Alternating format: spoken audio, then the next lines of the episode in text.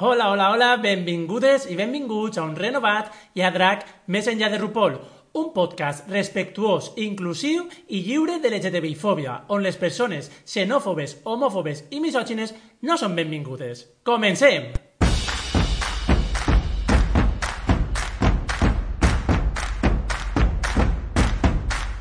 Benvingudes i benvinguts a Hi ha drac més enllà de RuPaul, un podcast que no aspira a aconseguir la corona, perquè no sap ni cosir, ni maquillar-se, i el més prop que ha estat de fer un playback per a salvar-se a la dutxa.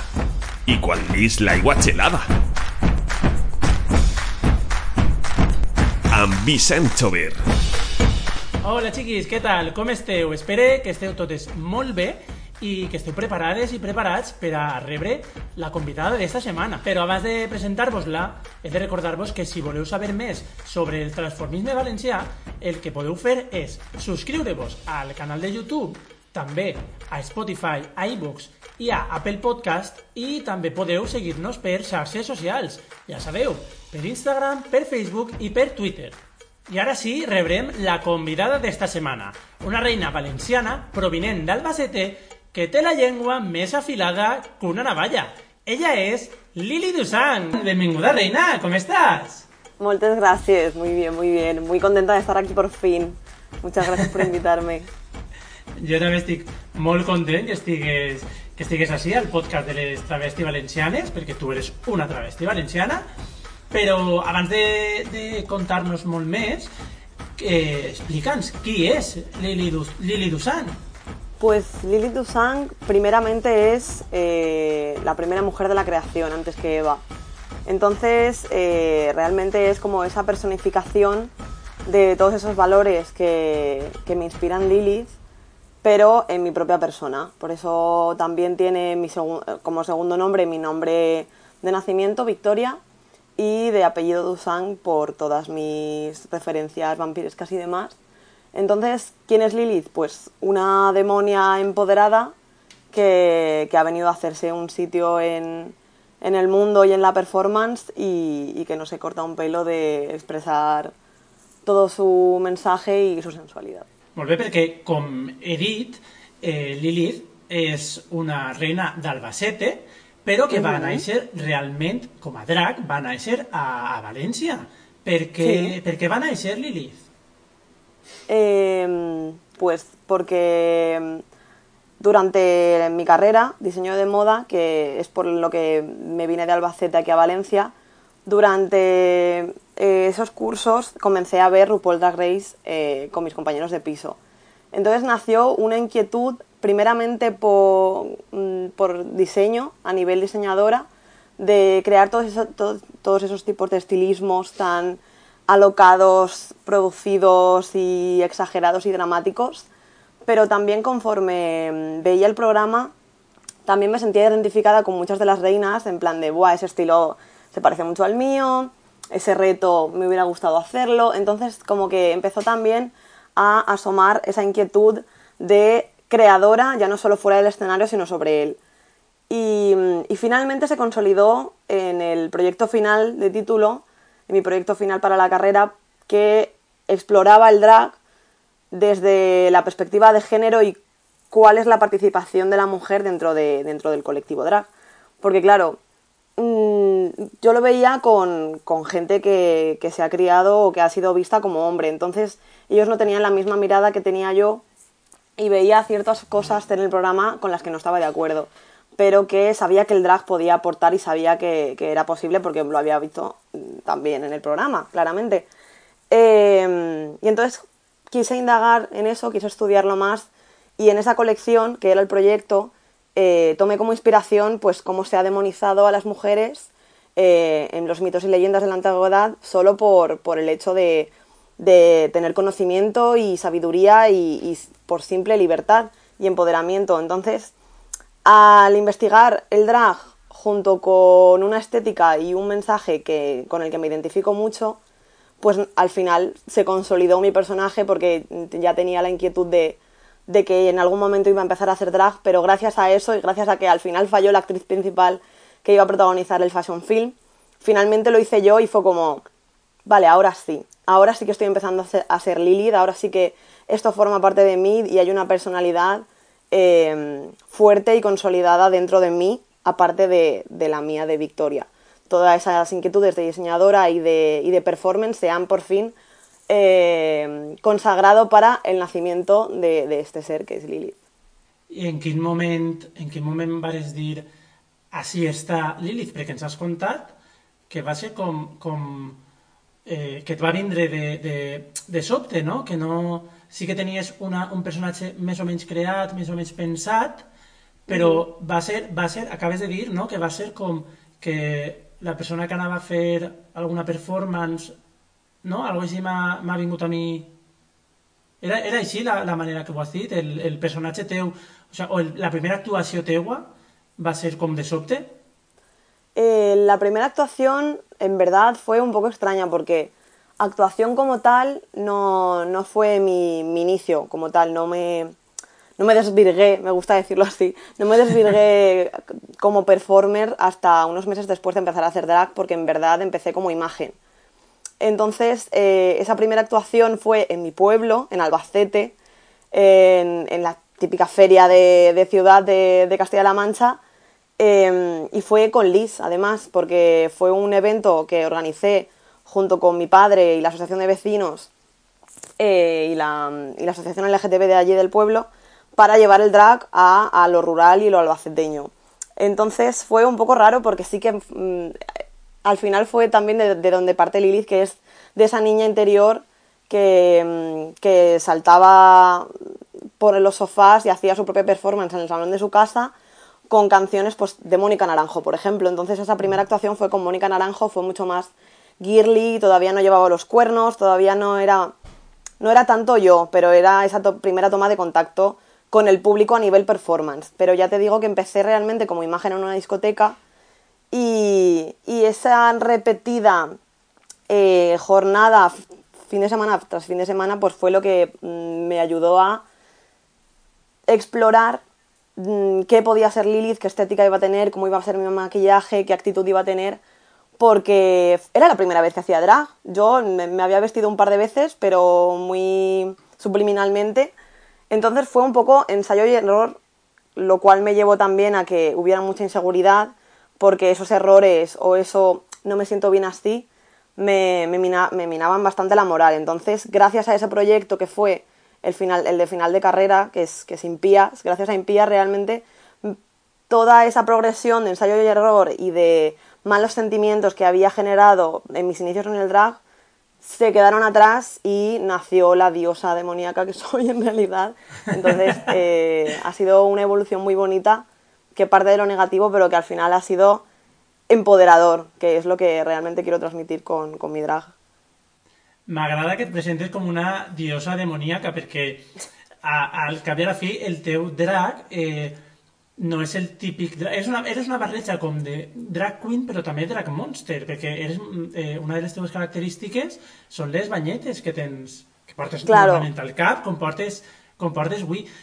Eh, el teu personatge ens has contat que ha sigut també una evolució, no? Has anat eh, explorant un poc el, el drag i uh, has acabat eh, amb este personatge de diosa demoníaca total, seductora, eh, sexy, perquè eh, qui t'hem en directe sabem que eres totalment sexual, és una bomba sexual, però, però conta'ns quins, quins referents tens o en qui t'has inspirat tu per a arribar a este punt de drag?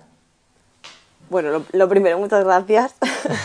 eh, y bueno, en principio eso fue, fue en prueba y error, eh, lo que por ejemplo me llevó a los cuernos porque al principio, como te digo, pues hacía también cosas más girly, no me, no me empecé a pintar la cara de blanco hasta pasados unos meses y solo para ciertos looks además.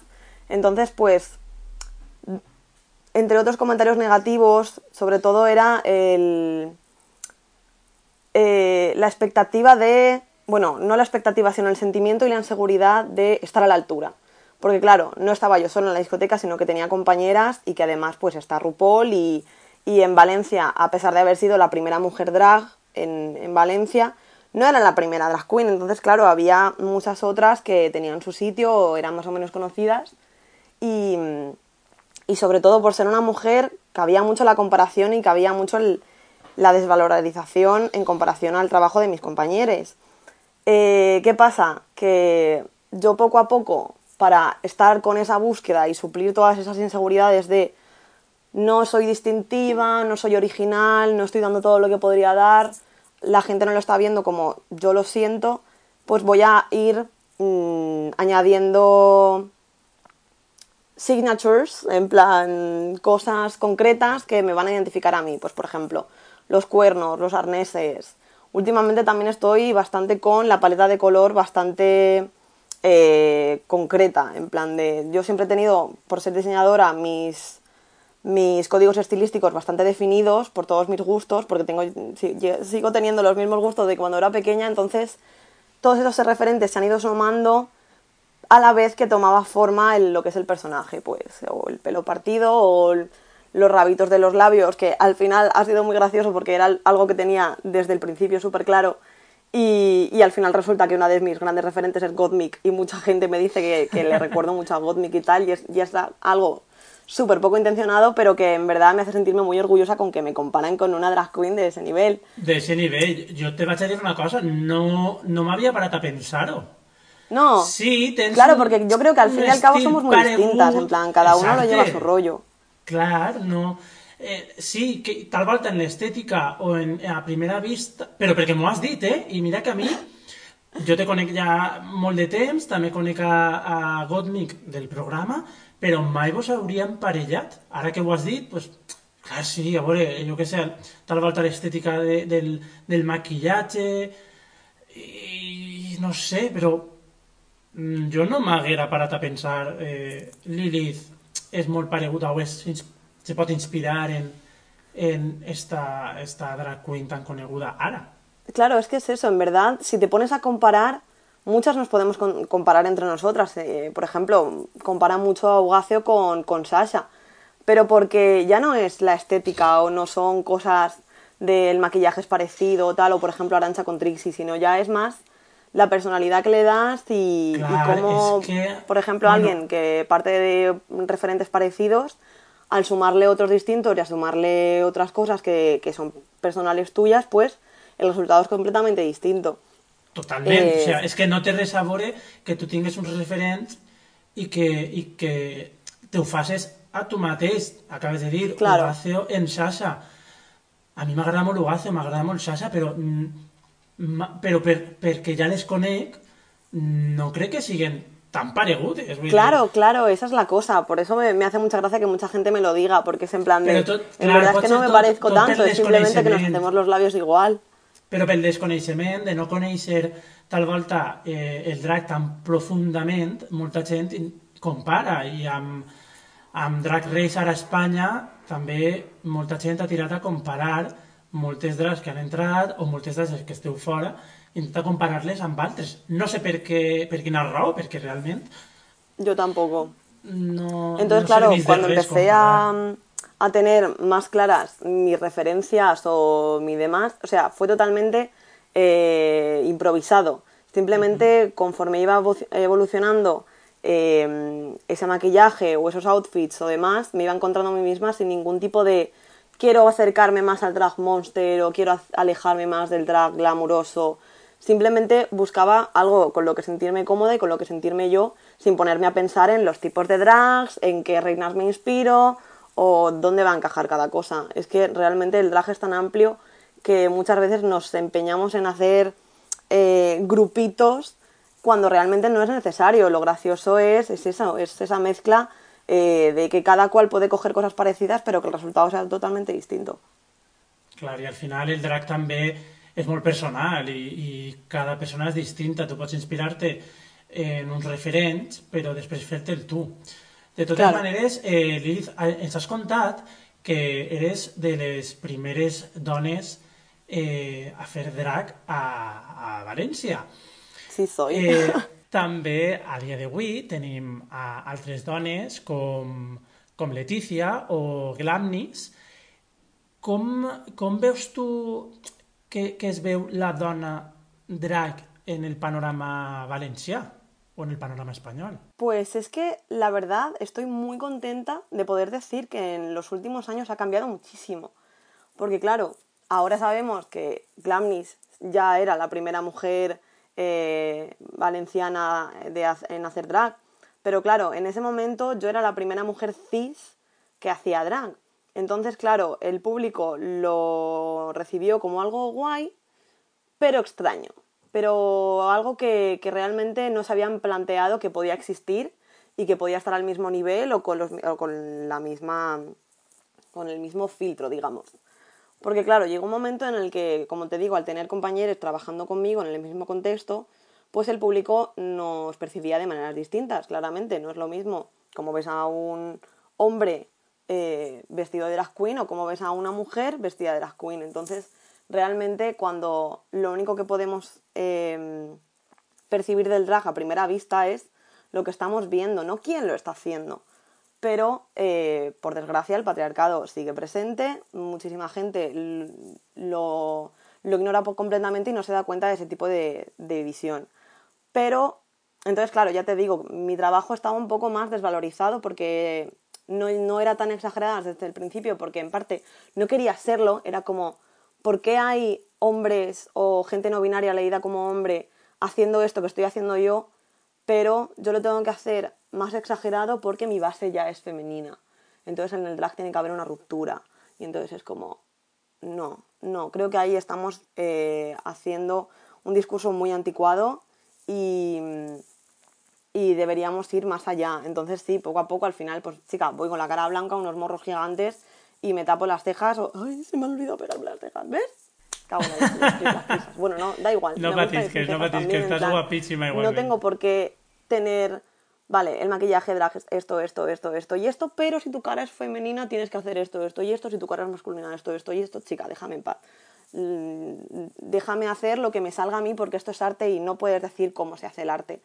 No, y que el drag, al cap la fi, el drag es una ruptura, no? El drag eh, el drac al cap i a la fi és una ruptura també dels rols de gènere no cal ser home eh, o sigui, pot ser home i fer drag queen o drag king o inclús un o no binari, és que realment eh, claro. trenques, trenques amb tot eh, el, el convencional el que és home, el que és dona pot ser perfectament tot en uno o res Exacto. I això és el que mostreu. Per, per sort, per sort de l'escena valenciana, que això volia també que parlares, que me contares com veus tu l'escena valenciana, eh, d'uns anys ara, eh, amb el, de veres que amb tu, amb Bugaz en este cas, també tenim, per exemple, la nostra amiga Pandèmia, que és una drac barbuda, eh, han eixit moltes dracs de molts tipus que ja no és eh, el drac tradicional.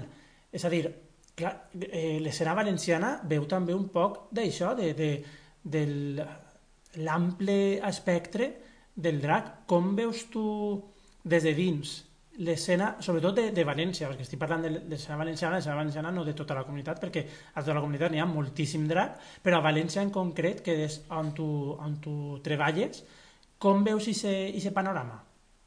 Pues por eso te digo que, estoy muy contenta con, la evolución que ha habido de unos años atrás, por, cómo me he sentido como mujer haciendo drag eh, en Valencia, porque ha habido un cambio y un crecimiento de las drags súper guay y súper grande. Entonces es, han salido tantas, tan distintas y, y con discursos tan diferentes, que es que es maravilloso, porque al fin y al cabo, gracias a eso, la gente ha estado más abierta, más receptiva y, se están abriendo nuevas puertas. En plan, a mí la gente me decía, ay, pues nunca había pensado, nunca había podido concebir o no se me había ocurrido nunca pensar que una mujer podía hacer drag. Y ahora somos tres, dos cis, una trans, eh, bueno, miento, más, también está eh, Plastic Drama, por ejemplo, cada vez somos más. Eh, tenemos drag kings, tenemos mm, dos, dos drag queen barbudas, también tenemos a Tápala, que es barbuda y ya no solo eso, sino que tiene un estilo super pop y muy muy diferente. Entonces, gracias a eso, el público está empezando a ver lo amplio que es la escena drag y, personalmente me siento muy afortunada de que esté pasando esto, además, fuera de la capital eh, y que Valencia se esté, al menos para mí, eh, convirtiendo en el ejemplo de la diversidad del drag, del drag, eh, ¿cómo es la palabra? Eh, bueno, del drag eh, underground y del, drag, del, del arte disidente más allá de, la, o sea, dentro de la propia juventud que vive en la ciudad, porque además casi todas somos jóvenes. Y me parece maravilloso, la verdad es que me siento muy, muy afortunada. Clar, eh, has dit que a València està movent-se molt tot, eh, tot això, tot el, el panorama drag, que sou moltes i molt distintes, i així ve eh, la pregunta. Hi ha drag més enllà del que podem veure a programes com Drag Race? Hi ha drag més enllà de RuPaul? Clara- clarísimamente, y precisamente nosotras somos el ejemplo, por eso, por eso me, me resulta tan, tan fascinante esta escena que hemos creado, porque recuerdo eh, mis pensamientos viendo RuPaul Drag Race y, y me acuerdo perfectamente del momento de Sharon Needles con la sangre negra cayendo y era como, pensaba que aquí había solo mm, cosas cis y cosas normativas, pero realmente esto es muy guay, hay muchísima diversidad, entonces claramente gracias a RuPaul eh, hemos conocido el drag y poco a poco RuPaul también ha ido evolucionando, pero necesita abrirse a muchos más aspectos del drag porque nosotros somos el ejemplo de que claramente hay, más, hay drag más allá de RuPaul. Y, y hay drag que tampoco se, se identifica con el canon de RuPaul y que no está hecho para, para ese formato. Porque, porque lo fascinante del drag es lo amplio que es y los diferentes contextos que puede tener. Entonces RuPaul Drag Race ya no solo es una inspiración, sino un contexto que, que no tiene por qué abarcar todo lo que significa el drag. Sí, però tant de bo eh, a, a, no? Tant de bo el eh, Drag Race obrirà un poc més aquest espectre que a poc a poc està fent-ho, ja hem vist dones trans participar, eh, hem vist o veurem pel que es rumoreja una dona cis en una de les... Fuera yo, les... pero no. Jo el que he escoltat d'una de les versions de la- d'Anglaterra en la pròxima... Del, del que es parla per internet, eh? jo no sé habladurías, res. hay habladurías. Són- sí, sí, yo però también sí que, es diu, sí que es diu que, que entra ja una dona cis. Esperem pront veure també un, un drag king, per què no? Sí que n'hi ha És que altres què no? programes. És que per què no? Clar, és que per què no? És que el, el problema d'aquest programa és que ha d'avançar i avança amb molt a poc a poc. Sí. Però, però bé, parlem d'una altra, altra cosa, parlem de tu, continuem parlant de tu, perquè per a parlar de Drag Race ja n'hi ha altres plataformes, així volem parlar de les travesti el- valencianes. El tema muy quemado. Exacte, anem a parlar de, de vosaltres. Eh, M'has dit abans que estàs molt contenta perquè eh, les dones al panorama valencià eh, heu sigut molt benvingudes. Però, tot i això, al principi, quan començares, o inclús ara, has notat misoginia dins del, del panorama? Mucha, mucha. Sí. Eh, buah, a ver, ¿por dónde empiezo? bueno, pues eso, desde el principio ya te digo eh, que se creó como una inseguridad a la hora de tratar con el público. Porque, claro, también nos tenemos que hacer una pregunta de, ya no solo si veían misoginia por parte del público eh, o desde la escena, cómo la, cómo la podía vivir yo, pero también la misoginia que existe en el propio drag. Porque queramos o no, el drag claramente no es misógino, pero sí hay comportamientos o drag queens que tienen ciertos tipos de eh, características misóginas. Entonces, claro, la misma frase de antes, el patriarcado sigue en todos nosotros y muchas veces no nos damos cuenta de su influencia. Y, podía haber pues ciertos tipos de comportamientos que era como ese tipo de, de cosas no son las que definen a la mujer, puede ser que sean las que definen a tu drag, pero no las que definen a la mujer. Entonces, si lo estás normalizando de cara al público, el público lo, puede normalizar también de esa manera. Y mm, a nivel, pues, por ejemplo, empoderador, de a mí hacer drag me empodera, me gusta que me digan cosas por la calle o, o que los tíos me pidan sexo o me toquen el culo o tal o no sé qué, pero realmente esto lo estás diciendo desde una perspectiva interior de la persona que eres tú en tu día a día, leído como hombre. Entonces, claro, yo no tengo esa perspectiva para nada y el público no me la concibe tampoco, si, sobre todo si cree que soy un hombre o, o me ve al mismo nivel de, de una drag queen que, que es así de zalamera, digamos. Entonces, claro, mm, a mí el drag claramente me empodera, pero también me vulnerabiliza, por ejemplo, en la calle o mm, con mis compañeros de trabajo incluso o los heteros por la calle de, pues chicas, si voy con un body y con el culo al aire y llevo una peluca y 200 kilos de maquillaje, pues a lo mejor puedes decir, hostia, un culo, voy a tocárselo, o hostias, voy a sexualizar a esta persona, cuando a lo mejor con una drag queen no lo hacen porque saben que hay un hombre debajo y entonces es en plan de, ¿por qué haga lo que haga? ¿Por qué a esta persona la estás valorando como a un artista, a una performer, pero a mí no me ves de esa manera, sino que me ves como un objeto sexual? y es básicamente porque soy una mujer y, y me parece, o sea, y eso es misoginia pura. Y ya también, pues, eh, lo que te contaba de estar a, la, estar a la altura, cumplir esas expectativas, porque desgraciadamente en el arte y en muchísimos aspectos las mujeres tenemos que esforzarnos el doble o el triple para que se nos valore al mismo nivel que a un hombre.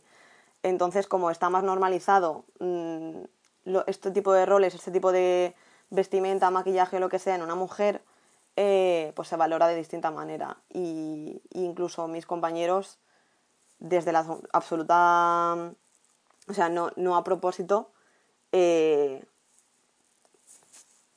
¿cómo decirlo? Em, echaban leña al fuego a ese tipo de, comentarios o a ese tipo de, comportamiento que recibía yo del público.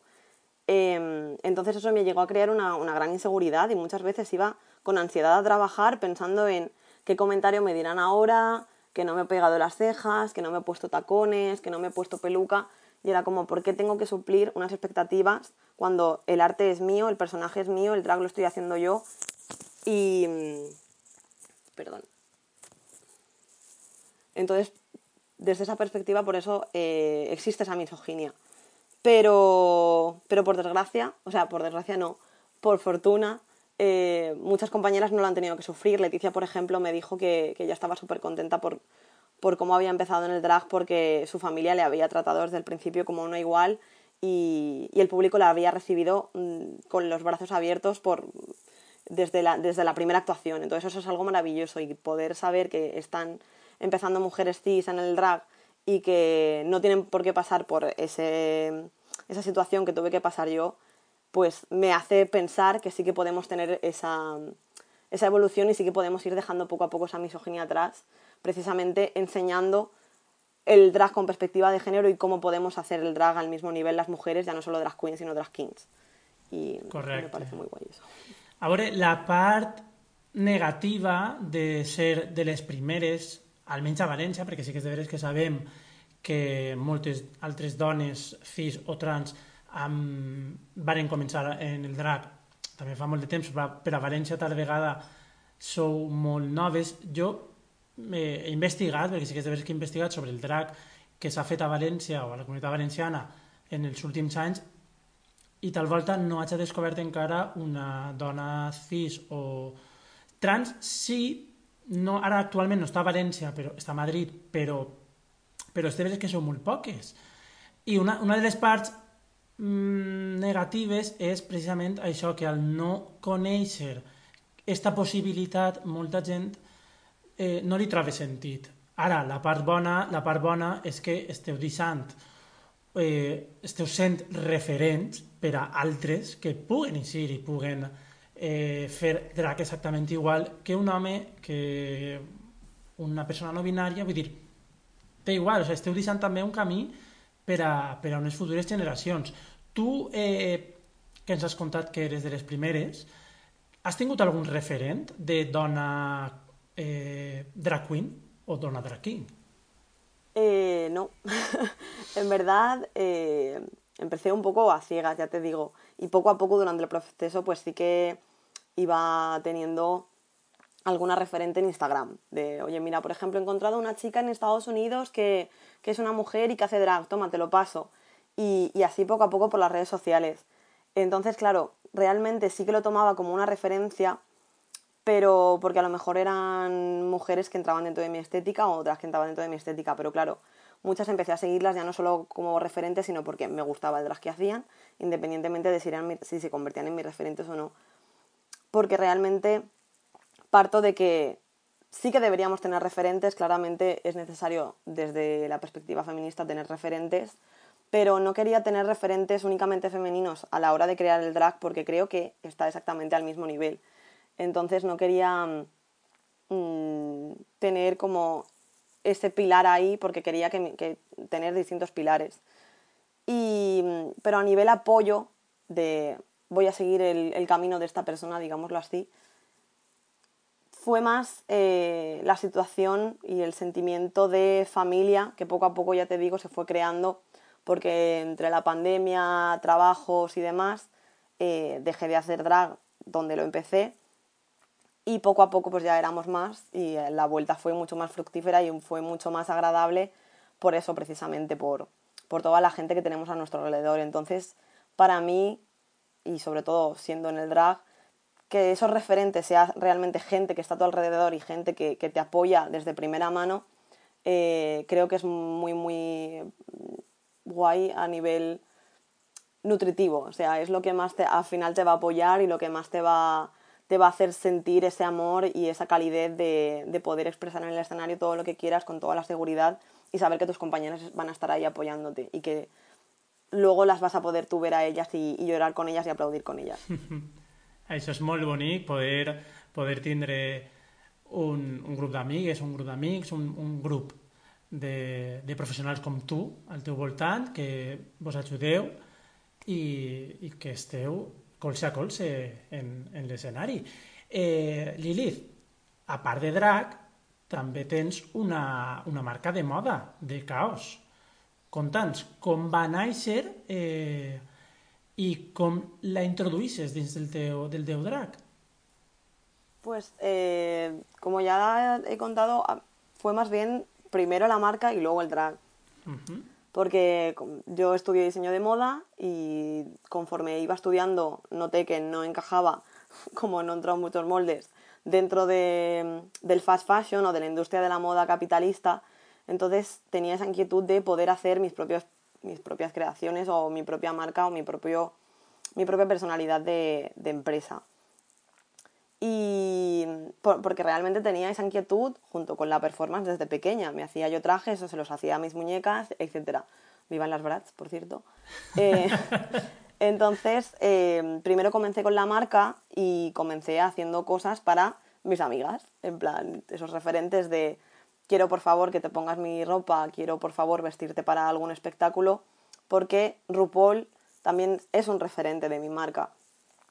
Y, y, pues gracias a eso, como soy un poquito egocéntrica en ese sentido, también me gusta mucho ponerme las cosas que hago yo misma, eh, fue como, vale, pues esto va a ser ese enlace. Y, y, al final con los proyectos de moda, con los proyectos de la carrera, con los trajes que me hago para mí, los trajes que hago para mis compañeras, se unió todo en una perfecta simbiosis entre esa necesidad de crear moda y de crear prendas de manera ética y de manera LGTB, queer y, performática, pues eh, culminó en el drag y en una marca que realmente puede ser tanto de calle como, como performática en el sentido de sin estándares. No hay estándares de género, no hay ropa para cierto tipo de contextos, simplemente es una fantasía en la que cualquiera puede disfrutarlo y, y me pareció también interesante la idea de tener a Lilith como la personificación de la marca, de los valores de la marca, de la estética y, poder también unir todas mis inquietudes, todo mi trabajo como Victoria a nivel personal en, la moda y el drag dentro de, un, solo espacio. Molt Lilith. Eh, estàs parlant de la teva marca. També volia que, bueno, volia que, que parlàrem un poc de la teva faceta com a jurat, perquè també has sigut jurat en, en algun concurs de, de drac a València, però com ens, estem quedant-nos sense temps, eh, farem un joc i juntarem aquestes dos, aquestes dos facetes, la, la faceta teua com a dissenyadora i la faceta teua com a jurat de concurs de drac.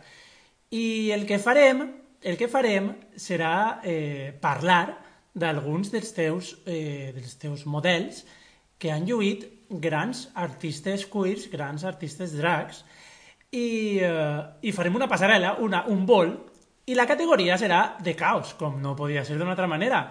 La primera serà Liz Dust, amb aquest model eh, lila, que, que conta'ns, com, com va ser això? De què ve, Conta'ns un poc... Fes, fes un, un, una, una explicació, de, de, de la falla, com, com se sol dir. Vale, pues Liz, en verdad, eh, yo la considero como mi mamá drag y mi clienta favorita. mi primera clienta, porque realmente Liz fue la que me empujó a decir, venga nena, haz cosas, venga nena, vísteme, venga nena, ¿cuándo te vas a maquillar tú? ¿Cuándo te vas a poner tú eh, a bailar y demás? Y, y, cuando Albi pues empezó a crear este proyecto Lila tan maravilloso, eh, fue cuando nos conocimos y demás. Bueno, no, miento, nos conocimos mucho antes, bueno, da igual. La pandèmia m'ha afectat a la memòria. Sí, no, la, pande la pandèmia ha afectat eh, a tot bueno. el món en, en el sentit de, temporal, ens ha afectat a tot el món, eh? perquè a mi també, jo no sé en quin dia estic, ni quants anys tinc, o sea, no sé res. o sea, ens ha afectat a tot. Total, total.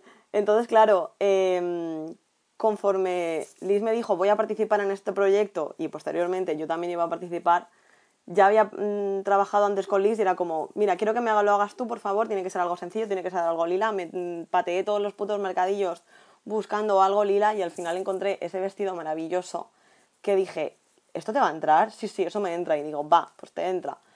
Incluso tuvimos que ajustar bastante la cintura y dije, voy a hacer algo muy lis, muy apretado, muy um, girly, pero le tengo que dar también pues un rollete gamberro que, y punk que es lo que, lo que realmente mmm, tiene la marca de, de, Caos. Y sí que Alice también es muy macarra y muy punk, entonces pues le añadí el choker, le añadí la pintura y, y se quedó esta Liz más o menos gótica, más o menos eh, pastel, pero con negro, rompedora como siempre. Y, y, la verdad es que chica estaba preciosa, porque preciosa, preciosa, luego se bueno. poniendo para distintos shows. Sí, y, y, una vez me, me, envió una foto con una moto lila que se encontró por la calle que me pareció preciosa. Y me Espectacular. Ahí, la verdad. Quina puntuació li posem? Uf, puntuación... De 0 a 10. Un 7. Molt bé. La següent a desfilar, la següent a desfilar és Ariel Rec, també Ariel, Ariel. Per, a, per al projecte Lila, també. Sí, el proyecto Lila. Ariel fue más bien una colaboración mini. Porque lo que le, le, regalé fue el choker y, y, el lacito. El lacito me encanta porque también tengo muchos referentes de, del Lolita, del Harajuku de, de Japón, y, quería darle ese toque kawaii también, pero, pero también con lo rompedora que es, que es Ariel. Y, y la verdad me, me, gustó mucho conocerla, también pude conocer a Killer, King, a Killer Queen y, y fue muy guay trabajar con ellas, la verdad. Quina puntuació li poses a este model? Pues a ver, el traje completo mmm, es una maravilla, Ariel está tremenda. Espectacular. Eh, pero claro, solo pude añadir esas dos cositas y, y en verdad el, se quedó bastante sencillito. Entonces, pues yo creo que le pondremos un 6. Molt bé. La següent a desfilar és Aja, Aja de Queen, una de les concursants de RuPaul Drag Race, com va ser aquest moment vestir-la amb eh, el, el vaquer, el denim. Buah, pues la verdad es que eso fue, fue un sueño hecho realidad. Yo estaba picadísima con RuPaul Drag Race en ese momento. Y, y en el momento en el que, que ya, ya, estábamos a tope con el, con el cast pose y demás. Bueno, no, miento. ¿Ves? La memoria, lo siento. pero, pero bueno, de repente eh, ya, sí que habían venido algunas invitadas de, de Drag Race a Valencia ya había podido conocer a, a, Violet, por ejemplo. Uh -huh. y, y, en el momento en el que alguien me llamó y me dijo, oye, te voy a decir una cosa, pero no puedes decir nada. Y yo, ¿qué pasa? ¿Qué pasa? Y me dijo, ¿quieres vestir a Aya para mis fotos? Y yo... ¿Cómo vas a decir que no, no? Es coña, ¿no? Es coña, me estás pangando. Sí, sí, pues claro que sí, por favor. ¿Cuándo? ¿Dónde? ¿Qué quieres? ¿Qué necesitas? Y nadie me dijo, pues chica, tú y yo nos llevamos muy bien, nos gusta mucho Lady Gaga, quiero algo de ese rollito tiene que ser azul, denim, tal, no sé qué. Y, y pues un poco mezclando todas esas siluetas de, de Lady Gaga con sus sombreras y, y todo, toda la estética de Aya, de falditas apretadas y demás, pues surgió ese, ese conjunto en denim y, y, azul que la verdad me flipó. El top era un diseño que tenía bastante antiguo, pero que dije, tengo que usarlo eh, para esto. La falda, luego me di cuenta que era exactamente igual que una de Dollskill y era como, chica, pues la referencia no ha sido a propósito. Exacto.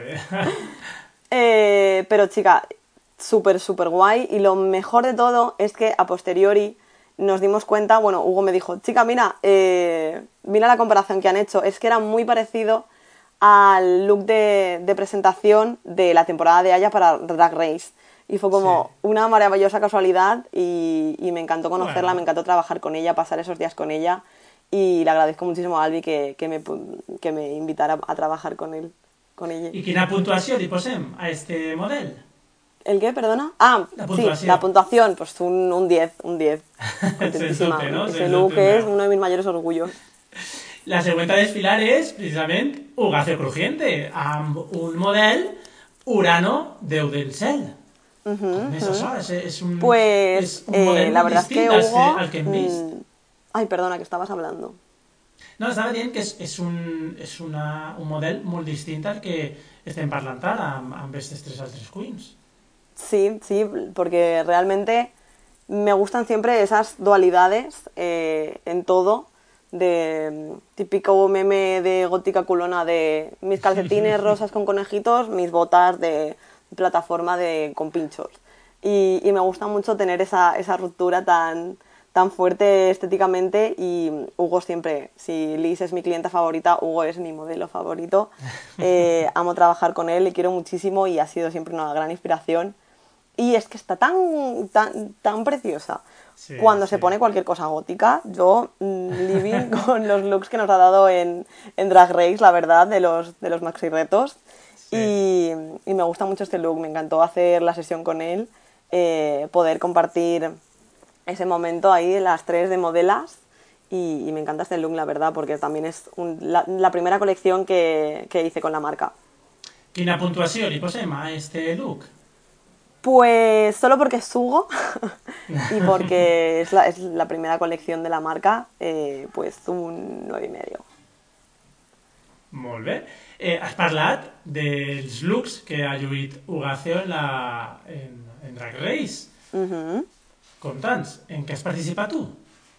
Perquè Pues- sabem que has participat en algun. Sí, en alguna cosita he participado. En Lo, lo bueno es eso, que, que al tener amigas que, que también hacen drag, pues todas tenemos un guardarropa un poco de todas. Y, y siempre me ha encantado hacerle cosas a Hugo. Desde el principio siempre me ha pedido cosas tanto para eh, eventos personales como del propio ya Ugacio Crujiente. Y, y, eh, pues tanto chokers como pendientes y por ejemplo los bueno los pendientes del look de Rosalía que cómo ese look no ha podido estar en la pasarela de Drag Race que alguien me lo explique por favor vegades, ese crec que pedazo ha look ha sigut Eh, els millors looks que ha portat Ugacio a aquest programa i ha sigut una, una llàstima no haver-lo pogut veure en aquesta passarel·la, la veritat. És una llàstima, una llàstima. ellos se lo pierden ellos se lo pierden Sí, sí. pero, Totalmente. pero bueno, lo, lo guay es que sí que pude ver el look al completo que pude hacer para, para Eugacio, para Drag Race, porque mm, en el momento en el que también, como con Albi, me- es que me encanta descolgar el teléfono y que te digan noticias así maravillosas de Vicky, estás libre, tienes el taller operativo, tienes que hacerme una cosa. Y yo, no, no, es- me estás diciendo que... Sí, sí, cariño, vale. ¿Qué, qué necesitas que te haga? Entonces, eh, el look de la veneno. Mi amor, el look de la veneno... Eh, sobre Ise todo look, me- ise look que va ser tan polèmic, perquè ningú el va entendre, però és que Esta. de Ugacio, és que el- la part bona que té Ugacio és que a primera vista no l'has d'entendre. Després No. ja, el que vinga. Però el primer moment, el primer impacte és, això què és? ¿Eso qué es? Pues chica, una superheroína.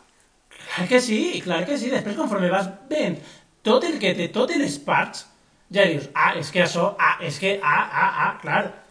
Va ser molt polèmic, Claro, es que es eso. que va ser... Lo- eso es lo, lo que te iba a decir en el sentido de me encantó poder estar en ese proceso de creación del look sin saber cómo iba a, a verlo la gente, porque Hugo me dijo, es una categoría en la que nos tenemos que inspirar en la veneno, pero me han dicho que no puedo ir de la veneno. Entonces, ¿qué pasa? Que yo le doy la vuelta que le hago yo a mis cosas y voy a coger esto de esto, me paso el mood board tal cual. Y al principio iba a ir con peluca, con la típica peluca de, de Lisa de conflicillo. Pelirrocha, y ¿no? entonces yo le dije, bebé, mm, Ugacio Crujiente muchas veces no lleva peluca, es algo tuyo, que no, no tienes que perder tu esencia. Entonces, en este look, conforme las prendas, no me pega ese tipo de pelo. Ve sin peluca, mi amor, ya llevas peluca en otras muchas cosas y es inspirado, no, eh, personificación. Y a la hora de crear todas esas piezas, pues un caos mental, nunca mejor dicho, porque eh, eran muchas piezas, mucho número de piezas, y que si las piezas de los pies, que al final, a tres media, por favor, cualquier programa de televisión que vaya a hacer algo con travestis, tengan gente preparada para vestir a las travestis, por favor. Es muy complicado vestirte, ponerte todas estas cosas, ponerte un corsé, ponerte unos tacones. Mi compañero de piso me ha tenido que vestir para, para esto porque yo no podía atarme esta cosa que llevo aquí. Entonces, por favor, tener a gente lista y preparada para ayudar a las travestis a vestirse, porque luego el pobre no se lo podía poner. mm, Se quedaba es un poco raro y al final tuvo que salir sin la parte de los pies. Pero bueno, era eso, los pies, Pero la parte de las tremenda, piernas, la falda, ser- el corsé, que es de, de un diseñador de aquí de Valencia también, que hace unos corsés maravillosos, Sí. unas cosas maravillosas. Va a ser tremenda, la veritat és que Eh, va ser un Tracy look, un claro. look molt, molt ugàcio. Molt Dic ugacio, que o sea, yo dije, chica, este, este culmen de referencias y de cosas y de complicación es muy ugáceo. Este, y, este. y luego ya te digo, pues cositas sueltas. Y por ejemplo, el look de la fiesta también es, es una falda que me hice para un ball en el que participamos Ugacio y yo en la categoría de Best Dressed, que quedamos eh, las dos en, en- como finalistas y Ugacio ganó por que tenía mejor, mejor actitud que yo porque yo estaba un poco cagada. A mí los, los balls estos me, me, me miman mucho la moral. Y, y- pero al final, chica, quedamos finalistas y esa era mi falda. Y al final, pues Hugo le dio la vuelta, se lo puso de poncho y fue literalmente cinco minutos antes de irse de mi casa. Sí. Y al día siguiente cogí el avión para Madrid y fue como, ay chica, ¿me puedo llevar esto así como de fondo de armario? ya Y, al final salió uno de los lookazos más guays de toda la temporada, que es el de la fiesta con esa peluca rosa. Eh, este, en ese vídeo está Espectacular, està lo más. espectacular, està espectacular. Es que de verdad, am- I amo trabajar con amb- él porque el bol, ya no solo los diseños que puede aportarte él, como el de la veneno, sino la versatilidad que le puede dar a cualquier tipo de prenda. Totalment, totalment, la veritat és que és molt versàtil, el- l'hem vista en la competència molt versàtil. I, I ara tornem al bol nostre, tornem a la, a la passarel·la juego, nostra venga. i l'acabarem amb tu, precisament, amb Lilith, amb Ise Lara Arnes Pink. Pues este look en verdad es como este pequeño atisbo de, vale, sí, voy a ser modelo, voy a posar en plan sexy godness Sí. y, y fue un poco también pues eso lo que lo empezó todo. Pero se me queda corto este look. Luego lo llevé un poquito más allá. Me, me encanta poder seguir teniendo este tipo de prendas. Entonces este look para mí se me queda un poquito flojo. Porque era... Más posem? aún. I quina puntuació li posem a este look? Pues un 6. Finalment, eh, acabat el, el, la passarel·la i ha guanyat allà amb eixe 10. Perfecte, eh? estem totes d'acord? Sí, no anem a dir que no, perquè tu Mi estàs d'acord i jo clienta estic más d'acord. internacional hasta Ugace Crujiente. Ya veremos qué pasa. Perfecte, molt bé. Lilith, estem acabant l'entrevista, però abans d'acabar ja saps que totes les reines deixen una, una pregunta per a tu. Eh, o sea, per, perdó, deixen una pregunta per a la següent convidada, en este cas, per a tu, la va deixar eh, Marcus Masalami, que va, pre va preguntar això. A mí me gusta mucho la pregunta de ¿con quién irías a cenar en el mundo? Si pudieras elegir una persona en el mundo, ¿con quién te gustaría compartir un espacio y un tiempo que en tu vida diaria no hubieras podido, o sea, que sea como súper inverosímil? Bé, Lilith, la pregunta, amb qui compartiries un moment, un lloc, amb una persona o amb algú que, que mai pensaries que podries compartir? Pues en verdad llevo unos cuantos días pensándome la respuesta, porque claramente hay que escuchar este podcast, que es maravilloso. Exacto, y, lo llevo mucho tiempo pensando, pero realmente no se me ocurre a nadie porque yo quería decir algo como súper trascendental y demás. Eh, y por una parte, no, sa- no te- tenía pensado Damiano David, porque estoy, bueno, Damiano David, porque estoy inmensamente eh, obsesionada con Maneskin y me parece brutal que alguien tan joven, de, con 22 años, eh, haya llegado a ese nivel y es como exacte. jóvenes artistas haciendo cosas y que les va, y que les va bien, entonces es como bien. wow. Pero en verdad, si pudiera ponerme fantasiosa y dramática como buena señorita que soy, pues con Lili, con la misma Lili, sería en plan de ¿de dónde parte todo? Dios existe, el diablo existe, ¿qué, qué lado mola más? Un Eh, crossover, Liz, Liz, Liz. O sea, Liz, Enséñame hechizos, cosas, vamos a irnos de orgía o algo, eh, vamos a pintarlo las uñas mientras hablamos de, de la vida y de arte, no sé. Mm, Es que sería mm, como mirarte en un espejo en el sentido de lo que pretendemos conseguir todas las mujeres es esta señora. Molt bé. I tu quina pregunta li dices a la següent convidada? Pues mira, eso también me lo he estado pensando y me cuesta mucho decidirme, no estoy segura. Em, ¿Qué es? Me voy a poner aquí eh, polémica. ¿Qué, eh, ¿Qué es? ¿Qué crees que es lo mejor del drag y qué es lo peor? Molt bé.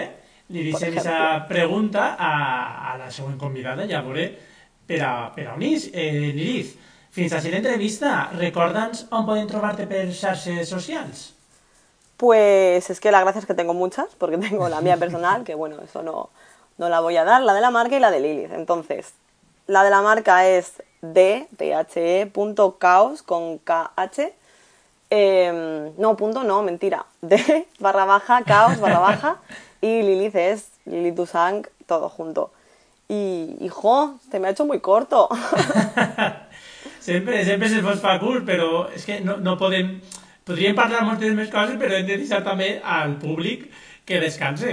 Eh, Sí, jolín, moltíssimes, però- moltíssimes gràcies. Jo tenia moltíssimes ganes de que, que estigués així, hem parlat moltes vegades de, de veure quan podies vindre al, al podcast i per fi ha arribat el teu moment. Moltes gràcies per vindre, gràcies Moltes per gràcies a obrir-te i per contar-nos tota la teva experiència, que encara que sigui curta és molt, molt extensa. I a la gent que s'està veient, moltíssimes gràcies una setmana més per, per estar ahí. Eh, sigueu feliços, disfruteu de la vida i ja sabeu que jo estaré així, esperant-vos, perquè ja sabeu que hi ha drac més enllà de RuPaul. Adeu! Adeu.